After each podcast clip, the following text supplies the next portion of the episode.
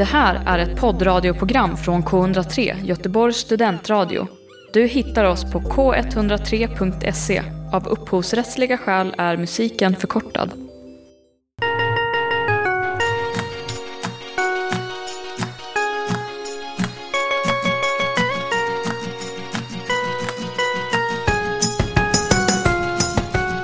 Hej och varmt välkomna till dagens tagning 103. Idag ska vi prata lite Small Axe, en SVT Play-serie med olika filmer. Och så ska vi även prata lite Shadow and Bone, Netflix nya fantasy-satsning. Sen ska vi även prata biografer som också öppnar alldeles strax. Äntligen ljusnade och vi som pratar idag är Jag är Eva Gustafsson. och jag Alice Dryden. Vi kan ju också säga att Kristoffer Rissanen inte är här idag men vi saknar honom massa och hoppas han mår bra där han sitter hemma och superskriver på sin uppsats. Kämpa, kämpa, vi hejar på dig. Nu kör vi!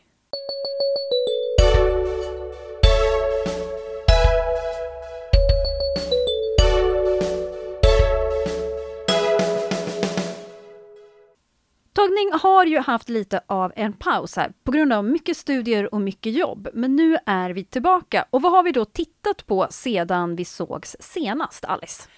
Eftersom det har varit, som du säger, ganska mycket så har jag märkt att jag gärna tittar om på saker. Jag har tittat om på Brooklyn 99 eh, och insett hur bra säsong 5 är. Och 4 är jag verkligen råtittade. Blev det liksom bättre och bättre nu när du har sett det och att du har bakgrundsinfon? Eller är det, vad är det som gör att det känns bättre och bättre? Oh, jag vet inte. Jag tror att första gången som jag tittade igenom hela serien, då var det ju verkligen så här, oh wow, den är superbra. Och sen alla andra gånger som jag sett det har jag bara tittat om och slötittat liksom. Men nu var det verkligen så att jag tittade igen och bara fan alltså det här är ju superbra. De är så himla roliga. Ehm, så det var lite som att återupptäcka och bli kär på nytt och bara gud det är ju bra på riktigt liksom. Och sen hade jag i söndags när det regnade så himla mycket så bara körde jag på ett så här, Studio Ghibli-maraton. Åh, ja! gud vad härligt! Riktigt bra. Va, vilka blev det? Ehm, jag kollade på, det började med min granne Toto då, för jag kände så här, det regnar, nu vill vi bara ha mysigt. Och sen var jag så här, men gud, är jag inte lite sugen på Spirited Away också? Och så brände jag av den och sen var jag så här, eh, det är klart vi måste ta House Moving Castle nu när vi ändå är igång. Bra trojka, mycket bra trio. Ja. Härligt, härligt. Verkligen, det är svårslaget. Men sen ehm, då när jag skulle, alltså det här är min mest kanske failade filmkväll någonsin. För då var jag så här, nu, jag ska bara slappna av, jag ska tända ljus, jag ska liksom äta chips, jag ska ha det riktigt mysigt. Och titta på en film som jag inte sett förut. Och var så här, nu vill jag lägga ner den energin liksom och bara så här, mm, nu ska jag titta på film. Och då så tänkte jag, men är vi inte lite in the mood for lite musikal? Så jag satte på En del av mitt hjärta. Har du hört om den? Ja, jag vet att det är en film som är baserad på Thomas Ledins låtar och att man också slog på stora trumman för Malin Åkerman kom hem och gjorde en av rollerna. Men sen är ju också självklart våran stora Jonas Karlsson som är med. Så att den hade ju många ingredienser som jag tänker att många gärna hade signat upp på. En sån här riktig eh, 25 december-film. Ja, alltså verkligen. Och jag hade så höga förhoppningar, Eva. Och jag skäms lite nu när jag tänker efter egentligen. Men jag måste ju säga vad jag tyckte, annars hade ju det här inte varit värt. Så jag tyckte att den var jättedålig. Alltså jätteplågsam. På vilket sätt var den dålig? Jag tror att film... Okej, så här. Jag vibade inte med filmen. Och vissa filmer har ju liksom ett uttryck som man kanske bara inte... Som inte överensstämmer med vad det är man vill se eller vad man förväntar sig eller vad man tycker om. Så jag tror att den här hade liksom lite... Ja, vad ska man säga? Skådespeleriet var liksom lite så här på... Det kändes väldigt gjort. Alltså så här, på, inte på, jo men lite påklistrat eller som att så här, alla vet vad du kommer säga nu. Typ att det var liksom den, det var inte så trovärdigt. Och allt skådespeleri behöver inte vara trovärdigt. Vissa har ju liksom den, det uttrycket att så här, vi vill ju få fram musikalnumren alltså, och det emellan är liksom utfyllnad eller så. Det kanske inte var tanken. Men, så här, men jag kollade en kvart och sen så tänkte jag bara, nej, jag, jag kommer bara bli arg om jag fortsätter se det här. Det här är slöseri med min tid. Det var faktiskt det. Så vet du vad jag gjorde istället? Mm. Jag bytte helt spår och kände okej, okay, de här glada musikalvibarna funkar inte för mig. Så jag tänkte vi kör Dark Waters med Mark Ruffalo där han är så här investigative eh, advokat som uppklarar liksom härvor i något så här kemikalieföretag som förgiftar befolkningen i en liten amerikansk stad. Och jag var så här, nice, då okej, okay, vi provade the light side, we're going over to the dark side. Och den var också dålig. Alltså, alltså det var hemskt. Det, och jag hyrde den. Jag var så här, okej okay, men då kör jag på någonting som är riktigt bra. Mm, jag investerar i det här. Exakt, jag investerar i det här. och det gick så dåligt, it backfired so hard. Den var nej. Eller mm. så här, det var en sämre, sämre version av Erin Brockovich. Mm. Jag hade bara kunnat sett den och blivit jätteglad istället. För mm. den är välgjord och fängslande och har en bra plott och bra skådespeleri. Men Mark Ruffalo, ja, alltså jag bara blir så trött på alla de här filmerna där det måste förklaras att män gör ett heroiskt jobb. Mm. Så det är så här, Anne Hathaway är bortkastad som hans fru i den här filmen. Hon är, jag älskar henne. Men hon passade inte som den här rollen och de tog inte fram hennes bästa sidor i den här. Eh, och då är det liksom någon scen där hon ska förklara för Mark Ruffalos eh, chef. Så här, men han är ju, du borde inte göra så här mot honom. Vet du vad han gör? He's a hero. Och man bara, oh, you don't, you shouldn't have to explain this. Oh my, no, nej, det är bara, fattar du vilken typ av film jag menar? Mm. Jag har ju också sett den här filmen och Eh, jag kommer ihåg att jag kände att den var så himla träig. För det är så här, det är ett väldigt intressant fall, det mm. är det. Uh, och det känns som en jätteviktig fråga som dessutom jag funderade på så här, varför får inte det här mer uppmärksamhet? Mm. Det ni beskriver är ju riktigt, riktigt dåligt. Varför pratar vi inte om det här? Ja, teflon, eh, is that so bad? Apparently yes, it kills you. Men då blir jag också så här, eller är det bara lobby det här att det ska vara dåligt? Eller ah. är, det, så är det det här lite foliehatt? Jag vet inte. Ah. Eh, men just också att det, du beskriver ju ett fall som har pågått så sjukt länge allt är inte filmiskt bara för att det är en intressant händelse eller en allvarlig situation. Liksom. För den är så sjukt lång och du vet han kämpar år efter år efter år efter år och det händer ju typ ingenting. Typ så. Det var så himla segt. Ja, det var så himla segt. Mm. Och det, alltså verkligen, 100%. Bara för att det är en intressant händelse så behöver inte det betyda att det gör sig bra på film. Um, ain't that the truth of the day? Mm. Verkligen. Vad, ja, vad har du sett? Jag har, eh, dels har jag sett den senaste tillägget till Walking Dead. Det är ju en serie som har pågått i väldigt många säsonger. Tionde var den senaste som avslutades och det kommer komma fler. Och de har ju lite nu jobbat i coronaperiod för att kunna liksom, göra någonting. Och dels först så hade de ju problemet att det tog jättelång tid att avsluta den första batchen av säsong 10. Alltså det första avsnittet av säsong 10 i USA gick 2019. Oj. Och sen så rullade det på under 2020. Men så kunde de ju inte göra typ det sista avsnittet för att corona hände. De var så här, vi hade gjort typ nästan allt och så var det ett kvar. Och så tog det jättelång tid innan de kunde spela in det. Eh, men det kom till slut. Men sen har de nu släppt sex stycken avsnitt som är på något sätt som ett appendix till, till säsong 10. Det är liksom inte en egen säsong. Och man, man märker att det här är corona-inspelade avsnitt. Ah. Eh, de är special på något sätt. Liksom. Hur, alltså, på, påverkar det kvaliteten, tycker du? Eller är det liksom, det blir helt plötsligt en annan typ av show? Eller? Kanske att det blir en annan typ av show, för mm. att det påverkar absolut inte kvaliteten. Det är fantastiska historier, eh, det är många av de karaktärer vi känner till, men framförallt så är det väldigt få karaktärer och man mm. märker att varje avsnitt har, några återkommer i en linje med en händelse, men de flesta är fristående, att nu får vi lite av en origin story på den här karaktären. Nu får vi lite mer info om det där som hände en gång, men som vi inte visste så mycket om. Och att varje avsnitt har mest två eller tre karaktärer. Så det, är, det är mm. lite typ så här, det är lite som att de fördjupar sig i det som redan finns. Mm. Lite fillers fast intressant. Ja, så det fyller absolut. Jag, jag tyckte det var jättekul att se, men det kändes lite så här, nu såg jag de där sex avsnitten och så bara, åh var det slut nu? Jaha okej, okay. ja, vad konstigt att det inte var mer. Och det är ju väldigt många karaktärer av the real, verkligen main characters som aldrig dyker upp. Man bara så här, men vad gör hon? Vad gör han? De drog ju iväg, så här, avslutade som en sån riktig cliffhanger. Ska vi inte få se vad som ska hända? Nej, det kommer nog i säsong 11. Så att nu var det så här, de har gjort saker, det är bra, eh, men det är lite i väntan på att de kan göra någonting. Eh, det är till exempel väldigt mycket snack om att de så här, just nu håller på och renoverar och bygger upp sin stad som i spoiler alert senaste säsongen mer eller mindre nästan förintades. Liksom. Ah. Men det finns ju också här, vi får ju inga av de här bilderna av översyn av så här, det här är staden, här finns mycket folk och så det är verkligen bara, det är du och jag och min story, vi är på promenad, vi pratar om saker. Lite så här liksom. Ah, Så okej. det, är, det är verkligen coronainspelat. Okej. Ja. Mm. Men väl värt att se. Sen har jag också börjat titta på den tredje säsongen av Ozark.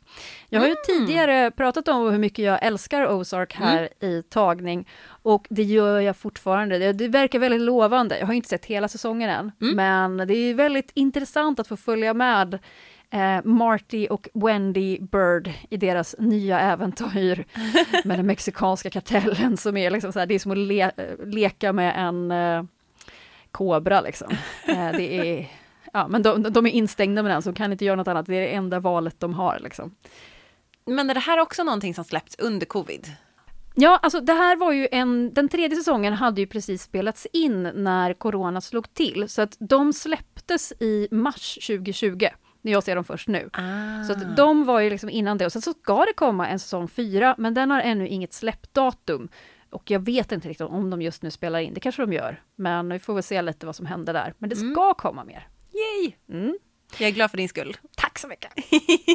Sen passade jag också på att se en eh, dokumentär på SVT Play. Jag älskar att bara gå igenom SVT Plays mm, liksom, fantastiska möjligheter. Man glömmer bort dem hela tiden. Det är faktiskt sant. Jag tycker, eller jag själv vet ju om hur mycket jag hypar eh, ja, men alla de här stora betaltjänsterna. Men SVT har ju verkligen alltså både gamla och nya otroliga möjligheter. Nu låter det som vi, alltså hashtag not sponsored. Skattepengar. Exakt. Nej men det, man glömmer verkligen det. Ja, ja men verkligen. Och eh, där hittade jag, för de har en hel serie av musikdokumentärer och jag älskar ju musikhistoria. Ja. Och jag menar, jag såg en eh, dokumentär om Woodstock, jag menar, jag har sett hur många jävla dokumentärer om Woodstock som helst och spelfilmer, så egentligen, det lärde mig väl kanske inget nytt, men jag tyckte den var ganska välgjord. Den släpptes 2019, det vill säga 50 år efter själva första festivalen var, så det var väl lite så till jubileet. Eh, den har fokuset på liksom hur själva festivalen kom till. Inte så mycket fokus på vilka band spelade och att det inte så mycket live-material, utan mer ja, men hur var det för besökarna? Hur, liksom, vilka var organisatörerna? Varför gick det så in i helsike åt helvete, men samtidigt också så fantastiskt bra? Mm. Eh, och hur var det för besökarna? Vad hände runt omkring? Det var inte bara musik och sådär. Liksom. Mm. Eh, och den heter också Tre dagar som förändrade, eh, eller Tre dagar vi aldrig glömmer. Ah. Så, på, på svenska självklart. Ja. Eh, men jag tyckte att den var väl värd att se och har man inte sett någon, då ska man definitivt se den och lära sig lite om eh, ändå festivalernas festival från 1969. Om man bara ska se en Woodstock eh, dokumentär, då tycker du att det är den här man ska se? Mm, det tycker jag nog faktiskt. Oj, wow. Om det inte är att man egentligen vill se alla liveframträdanden, för då ska man snarare se den vid det här laget mycket äldre Woodstock-dokumentären, men den fokuserar mer på vilka spelade och vad finns det för filmat material från dem. Nice. Och jag kan ju bara fortsätta att slå på stora trumman för SVT Play, för det är där jag har hängt på sistone, kan jag säga. Och vad har du sett där? Ja, det har ju dock inte varit så glatt så som vi är just nu. Eh, det har varit väldigt bra, men det har inte varit så himla trevligt alla gånger kan jag säga. Jag har tittat på Steve McQueens filmserie Small Axe.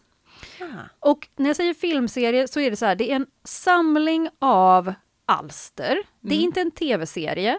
Eh, och det är inte rakt av filmer heller. Den första i serien är filmlång. Den är liksom nästan två timmar lång. Men de andra fyra är strax över 60 minuter. Så det är lite så här... Ja, alla av dem skulle nog inte klassa in under det som egentligen räknas som långfilm, som jag tror är 72 minuter, men jag är inte helt hundra.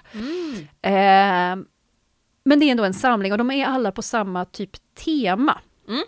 Och eh, det själva övergripande temat här är liksom en hyllning till motståndskraften och kulturen i London på 60, 70, 80-tal, en bit in på 80-talet. Är det typ en film per årtionde eller? Nej, nej. nej det är det inte.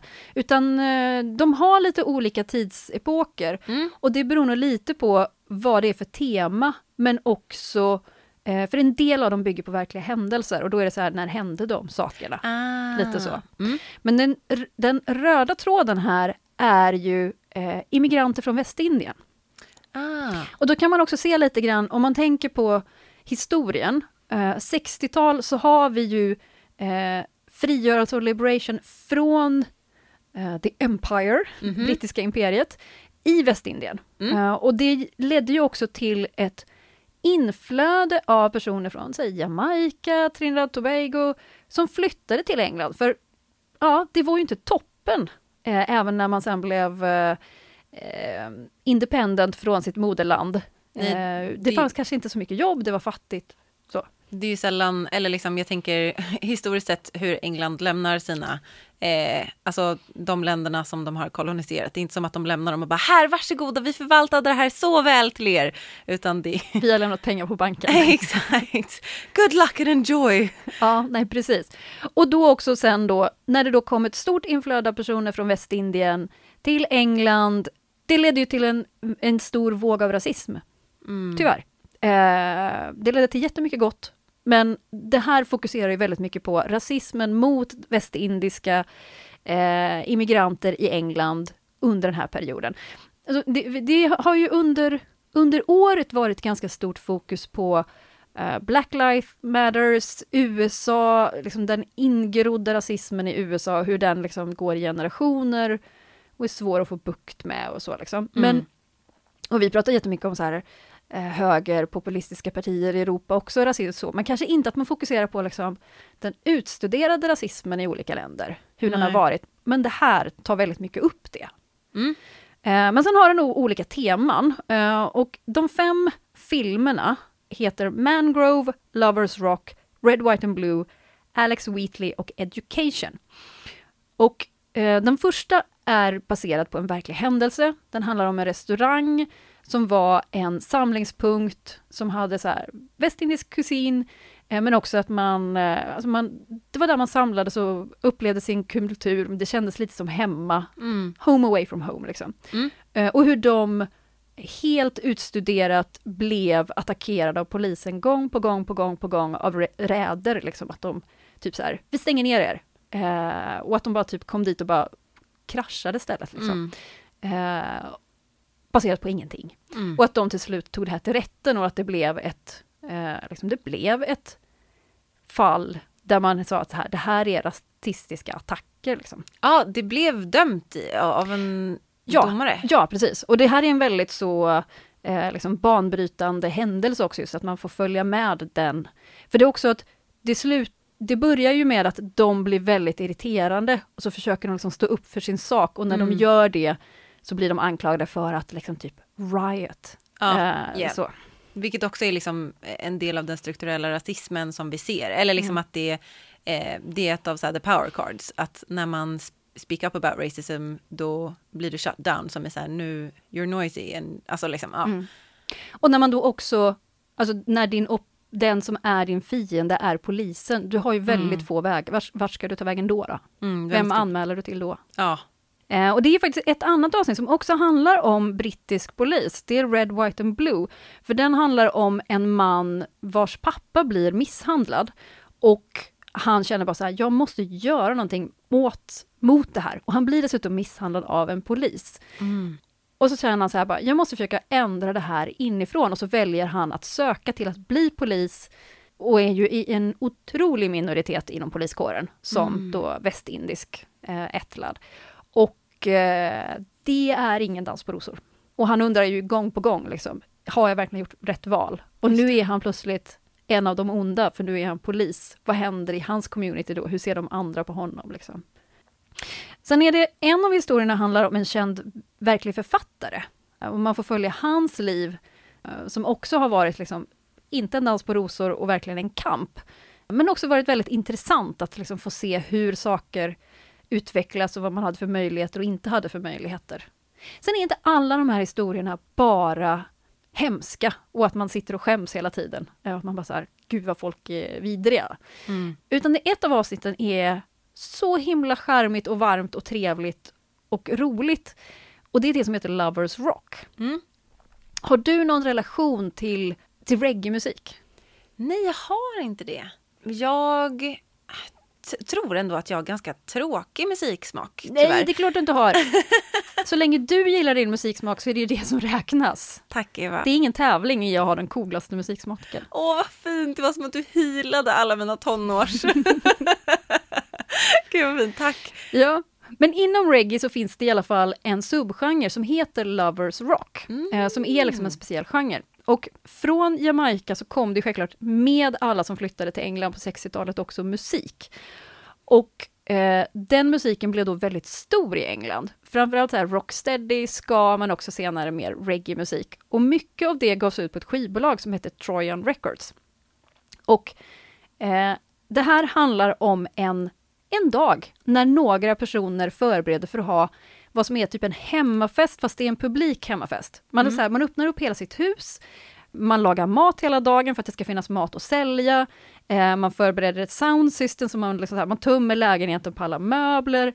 Och så kopplar man in alla högtalare och, så bara, och sen så är det liksom en enda lång fest och man får följa med festdeltagarna som dansar och flörtar och hånglar och blir osams och så här. Så det är liksom som en kväll på klubben, vilket man idag också känner så här, herregud jag är på klubb. jag har inte varit på klubb på så jäkla länge liksom. Give me more. Men det är, väl, alltså det är väldigt långa scener där vi bara ser personer dansa till kanske två låtar bara rakt av.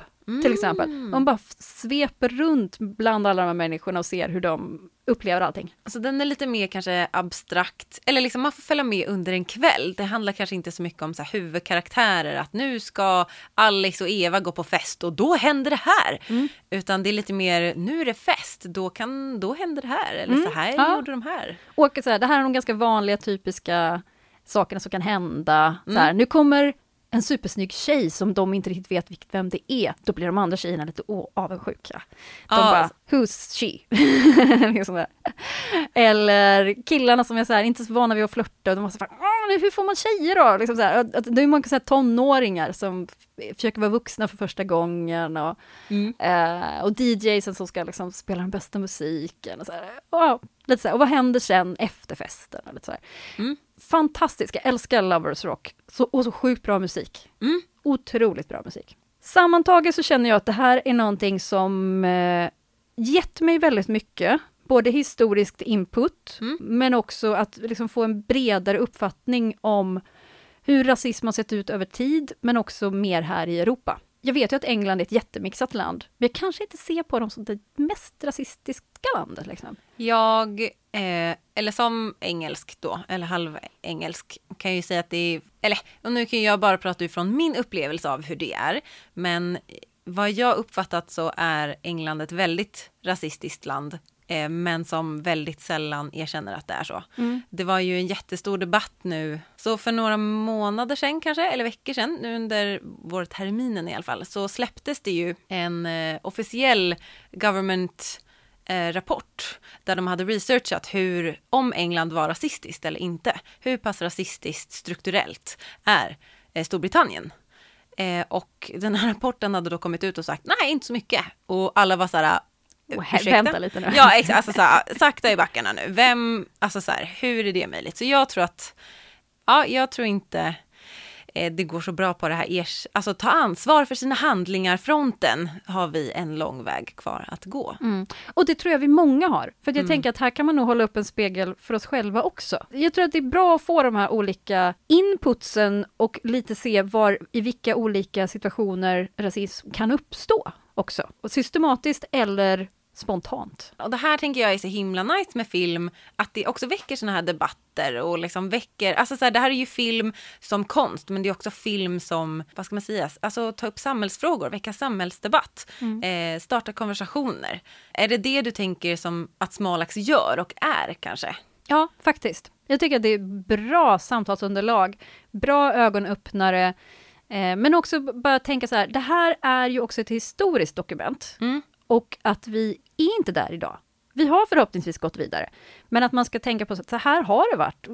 Det är viktigt att gå vidare Mm. och in, viktigt att inte glömma heller. Mm. Eh, så jag tycker att Steve McQueen har gjort ett jättebra tidsdokument och lyfter fram liksom en slice av historien. Mm. Eh, det här är liksom en folkgrupp som fokuseras på här och det är också för att han har föräldrar som är ättlade från den regionen självklart.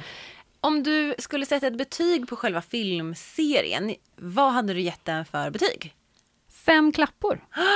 Wow! För det är inte bara att det är viktiga ämnen, det är också jättevälspelat. Det är snyggt, det är och just tidseffektivt. Jag gillar att många av historierna inte är längre än en dryg timma. Mm. För alla historier behöver inte vara en film. Jag tror att han har hittat rätt format också. De hänger ihop, men allt behövde inte bli fem stycken filmer. Liksom. Det behöver inte bli en kvintologi, det heter det kanske inte. It does now. Behöver man se alla filmer? Eller kan man se dem liksom, om jag är så här, jag har tid för behöver- en. Ja, eh, man behöver nog inte se alla, men jag tycker ändå att man ska göra det. Tids nog. Du har dessutom hela året på dig. för de finns på SVT Play fram till april 2022. Men jag tänker att man ska börja se en, gillar man det så fortsätter man. Det är lite så, för jag tror att de är ändå, även om de inte är likadana, så har de lite samma ton. Så gillar man en så gillar man nog de flesta.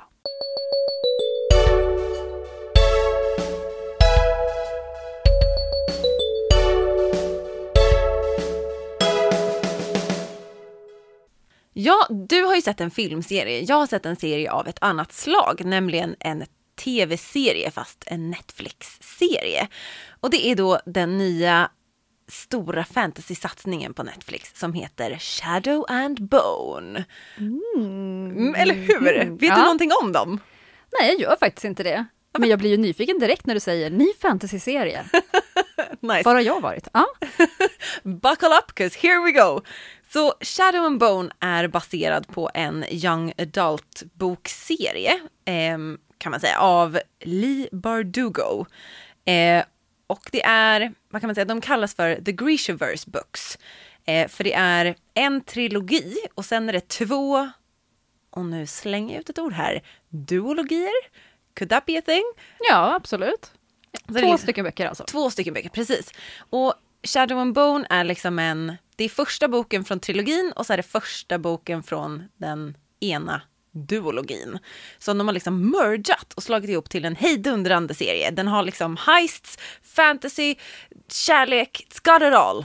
Jag tänker bara att jag ska börja med en fråga här. Mm. För när du sa young adult, så är det ju, det är ju ändå lite en vattendelare. Och Mm. det får, jag får lite kalla kårar och tänker så här, oh my god, då tänker jag Twilight. Oh. Eh, men samtidigt vet jag att det finns ju många andra saker jag älskar Mm. eh, i genren. Så om man inte längre är en young adult, är man fortfarande lika intresserad? Ja, jag tänker på mig själv som en adult adult, men en young adult lover. Ja, När de är bra. Alltså så här, när det är Twilight, då kanske jag lägger dem i fållan av det här är kult, jag kan se det på ett visst sätt. Men jag kommer inte tycka att det är genuint bra liksom. Nej. Men Shadow and Bone tycker jag verkligen om. Visst att den kan vara liksom lite, alltså vad ska man säga, den har ju det här romansfixeringen lite grann. Eller inte fixeringen, men den centrerar ändå kring ett triangeldrama kan man väl säga. Men, och verkligen men, men, men, men, men. Den gör det på ett nice sätt hörni. Och den, framför allt så tycker jag att det, det är nästan sekundärt. Eller så här, den har ju de här, ja men om man ska ta The Witcher då, som är Netflix fantasy-serie för adults. Eh, och då blir jag så här, ja men den har ju också massa romans i sig. Ja, gud ja. Han trånar ju hit och dit och liksom ligger med folk och, och, och det är ju ändå liksom ett, centralt tema att han och Jennifer har en grej. Liksom. Eller att han och Renfrey har det. Så jag tänker också så här, det är inte så farligt. Nej, Nej men vad bra. Då är jag på. Ja, då är det bra. Okej, nice. Eh, Men och, någonting mer som jag gillar med den här är att den, eh, ja, men den också utspelar sig inte, om man tar då eh, den utspelar sig inte i så här England på medeltiden eller om det fanns magi. Eh, utan den, den är, vad ska man säga, lite så här Ryssland, östbalkstatsländerna inspirerad. Ja. Ehm, så det är mycket man hör i namnen, man hör i kulturen, det är såhär um, ehm, Miss Starkov, det är Kerrigan, det är liksom Novosibirsk, eh, sådana liksom den typen av influenser. Och man ser också typ så kläderna de har på sig med så keftes och um, också hur typ så klimatet är. Så det känns väldigt liksom, okej okay, gud vad skönt, det är inte en till västerländsk eh, som utspelar sig i England på medeltiden, utan det här är ändå så här, det är en ny, det är någonting nytt, mm. det är någonting spännande. Och då, vad är det då som händer? Okej, vi kör lite, den, den utspelar sig i en annan värld som vi då kallar för The Grishaverse. Och Grishas är magiutövare. Fast det är inte riktigt magi, utan de kallar det för the small science. Eh, så det kan vara till exempel att du är bra på att kasta eld och då är det någonting i element, så det är liksom förankrat i science. Ja, så det känns lite vetenskapligt att säga, ja men det här kan jag göra för att jag har fattat hur man jobbar med det här. Exakt, mm. de här partiklarna i luften, förstår jag hur jag ska, alltså så här, den grejen. Mm. Det är fortfarande någonting du föds till, men det är på något sätt är förankrat i tanken då till någon form av liksom, vetenskap. Så det är inte magi, magi. Mm. Um, och Grecius då har blivit förföljda tidigare och har, det har varit liksom häxjakter på Grecius. Men nu så har de jobbat upp sig i världen, de har fått liksom en väldigt högstående position och när resten av då Ravka, landet där vi är, de har det ganska knapert befolkningen, men The Grecius lever väldigt flådigt och liksom tränas ordentligt i sina vetenskaper och så. Så ja, det, det är krig. Ravka är liksom tudelat och också är eh, i krig med alla sina eh, neighboring countries. När du är i krig med alla dina neighbors, då är det inte du som är den goda, talat. Just det, det är den här, om du inte har någon jobb i familjen, då är det du som är den jobbiga. Ja, ja men lite så kanske. Um, och Ravka är då alltså bokstavligt talat tudelat för att för hundratals år sedan så var det någon som hette The Black Heretic, tror jag de kallade honom för, eller The Dark Heretic, jag kommer inte riktigt ihåg. Men det var en Grisha som då råkade liksom frammana en enorm svart ja, vad ska man säga, typ så moln. Jag mm. tänkte typ så molnmassa som bara delade sig rakt över landet. Hej hopp. Och inne i den här molnmassan bor det massa monster. Så du måste liksom, för att komma från eh, liksom the main part of Ravka eh, till the east part of Ravka, då måste du korsa the fold. Och det är ju livsfarligt för det bor ju monster där, så det mm. man vill inte göra det lättvindigt liksom. Mm. Nej, okej, okay, men vad, vad, handlar den här om då? Jo, då är det huvudpersonen som är Alina Starkov som spelas av Jessie May Lee. Och hon är eh, cartographer, hon gör liksom kartor i kriget. Och kriget är ju mot alla, typ. Och hon är föräldralös och den enda familjen som hon har är sin bästa vän Mal. Och han jobbar som tracker eh, i kriget. Så han liksom, vad ska man säga, eh, eh, letar rätt på saker. Mm. Han är bra på att vara ute i naturen och hitta saker. typ som Pippi, sakletare. Ja. um, och Mal då, han blir ivägskickad till West Ravka, eh, som är då den här lilla slicen på, på sidan som har blivit delad av The Fold. Och Eline är så här, nej, we can't be separated because we're best friends. Och man märker så här, är de bara best friends? Eller maybe they just haven't had that conversation yet. Så hon lurar med sig på skeppet. Men de blir attackerade. Oh my god, no! Helt plötsligt, alla monster attackerar liksom den här båten som de åker i. Men då visar det sig att när liksom monstret håller på att ta henne från Mal och Mal är skadad och det är så här oh my god this is horrible. Det här är också i första avsnittet guys and it sort of sets up the plot. Så det är lite spoiler men alltså you're gonna see it. Och då visar det sig att hon är the sun summoner. Dun, dun. Så hon kan ta bort det här molnet? Yes, exakt! Ah. För hon är då en mytisk Grisha visar det sig. Hon visste inte om det här. Så det är en chock för alla. Mm. Så hon blir värsta grejen, hon blir en big deal. Hon är one of a kind och hon kan lösa problemet med The Fold. Så hon tas till eh, huvudstaden och där det kallas här The Little Palace, där alla Grecius bor och tränas och där möter hon Alexander Kerrigan, generalen för tsarens arméer. Well, I mean, what can I say? He's super handsome, verkligen så här dark and mysterious. Han är verkligen så här epitome av exakt vad det menas. Och han spelas av Ben Barnes. I know my celebrity crush som vi pratade om i vårt romcom Exakt. avsnitt. Ni kan känna igen honom från Prins Caspian i Och då vet vi också att det handlar inte om teens anymore. Nej, exakt. Ja, precis. Alla är ändå, det är inte så att man suktar efter så här 17-åringar. Nej. Eh, det, that would be really super Det är, creepy. det är vuxna nu. Eh, precis, det är så alla i den här serien är liksom vuxna. Så det är jättekul att han är med såklart tycker jag. Ja, och han och Elina har ju liksom lite så här, det är lite sparks, that fly och hon är så här, för hon har ju då blivit separerad då från Mal igen. Och de försöker ta sig till varandra och de skriver brev men de får inget svar. Eh, och Elina är så här, ah, nej Mal skiter väl i mig då. Jaha, okej.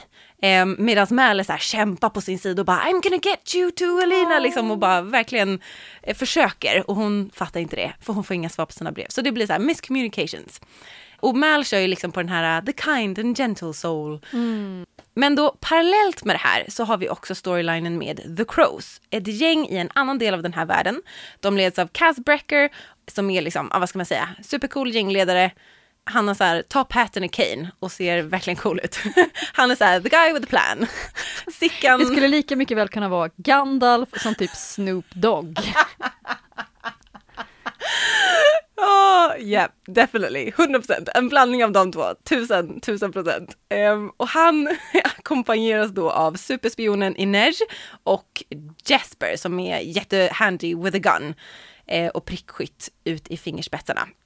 De behöver pengar väldigt snabbt och blir liksom anställda av en skummis för att tillfångata och leverera Elina Starkov. Så de ger sig iväg på liksom heista. De vet inte, de känner inte Elina, de har no idea who she is, they don't know she's the sun summoner. They just know they're gonna find her, get her and then they're gonna get super rich and all their problems will be solved. Så hela serien går ju liksom, de här två gängen eller vad man ska säga, eller de här två storylinesen, går parallellt och sen vävs de in i varandra lite grann och de möts och så. Ja, men jag, du hör ju, jag gillar det här. Eller? Ja, verkligen. Ja, Du sa att det var en eh, tv-serie, men den Mm. har också åtta avsnitt. Är det liksom åtta så här 45 minuters avsnitt eller är de, eh, känns de ganska långa? Känns de... Ja men de är väl ändå någonstans mellan 45 och en timme. Nu kommer jag inte ihåg exakt hur långa de är, men någonstans däremellan. Så det är ändå, det känns inte för kort. Och den känns inte för lång. Jag tycker den känns alldeles lagom. Ja, jag tycker alltså specialeffekterna är snygga och till skillnad då från, om jag ska fortsätta jämföra den med The Witcher, så lyckas de verkligen med världbyggandet i det här.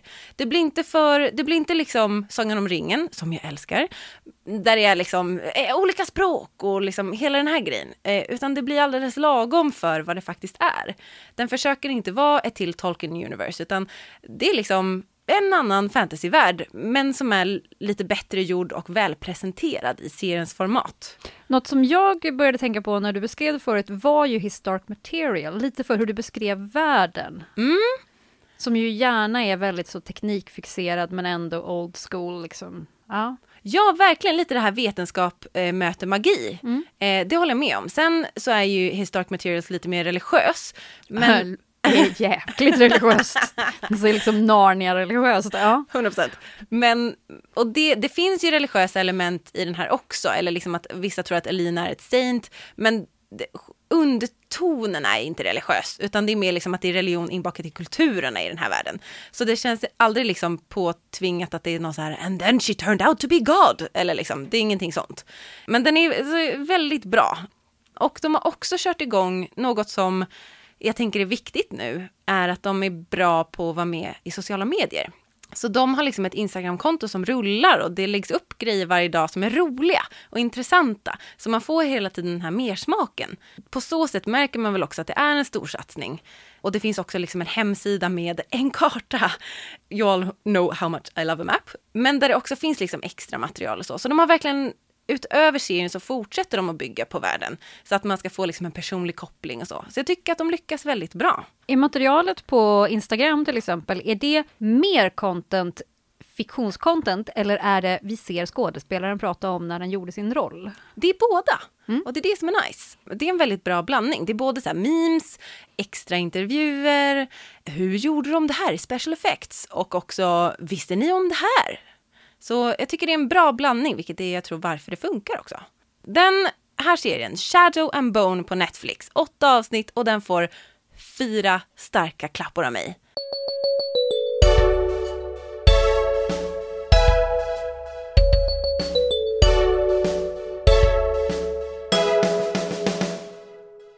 Det är ju så att biograferna ska öppna igen. Och här får vi kanske också lite grann säga så här, några biografer har faktiskt varit öppna. Eh, Bio Roy har kämpat på och hållit öppet för åtta personer i taget. De har Verkligen. gjort ett jättebra jobb. Verkligen. Men nu den första juni så öppnar SF-biograferna igen. Mm. Det kommer ju innebära större salonger och möjlighet till att faktiskt vara fler i salongerna. För nu kan man vara upp till 50 personer. Sen beror det självklart på hur stor salongen är från början. Du kan ju inte bara 50 om det finns 50 platser. Nej, det blir svårt. Det blir svårt. Och eh, biljetterna har nu redan släppts, som släpptes nu i veckan till de första visningarna. Och vad kan man då se? Vad finns det att se? Har du någon koll? Ja, men vi har ju några här som har premiär, till exempel Cruella med Emma Stone och Emma Thompson i huvudrollerna. Superkul, lite origin story på Cruella de Vil. Är Taggad på den. Jag ser jättemycket fram emot A Quiet Place Part 2.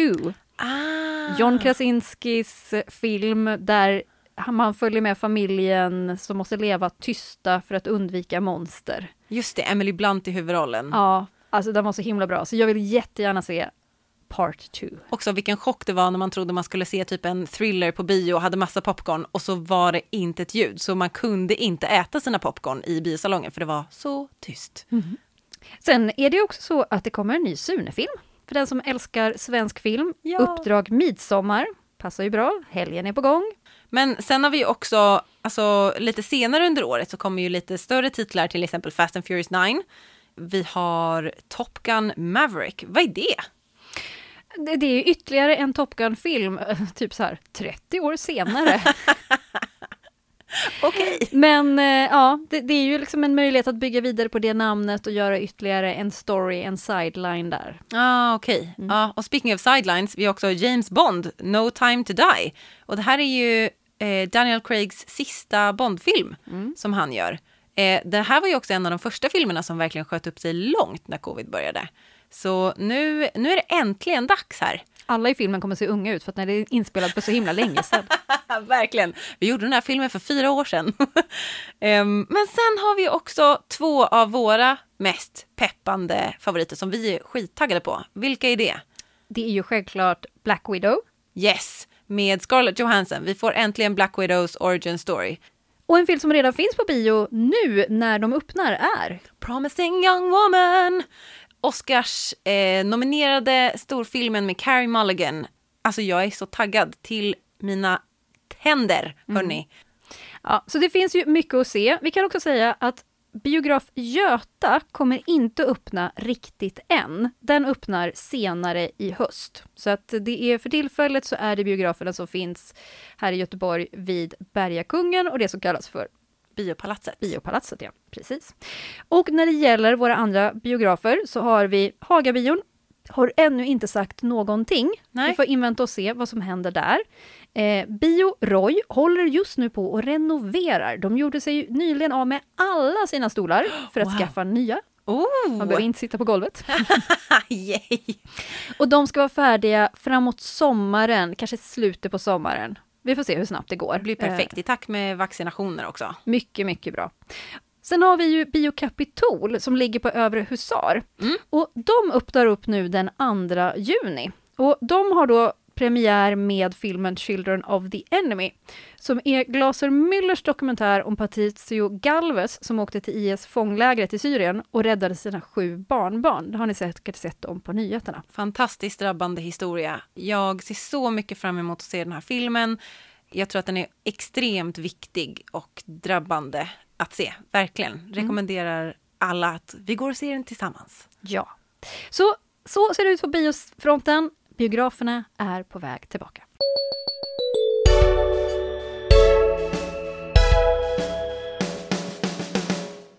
Och där avslutar vi tagning 103 för idag. Vi som har spelat in idag heter Eva Gustafsson. och Alice Dryden och Kristoffer Rissanen, han kämpar på med sin uppsats och vi ser honom i nästa program.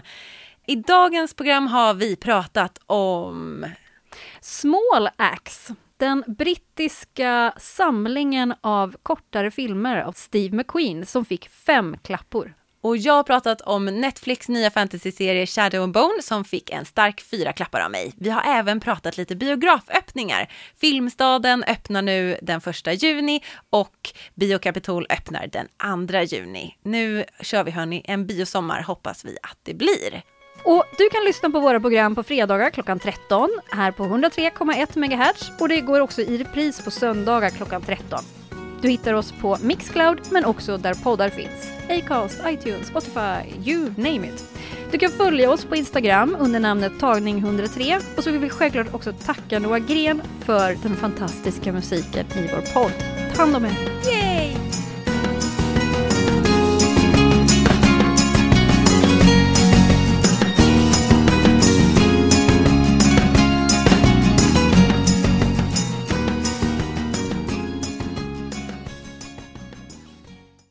Du har hört en poddradioversion av ett program från K103. Alla våra program hittar du på k103.se. Följ oss gärna på Facebook eller på Instagram. Vi hörs!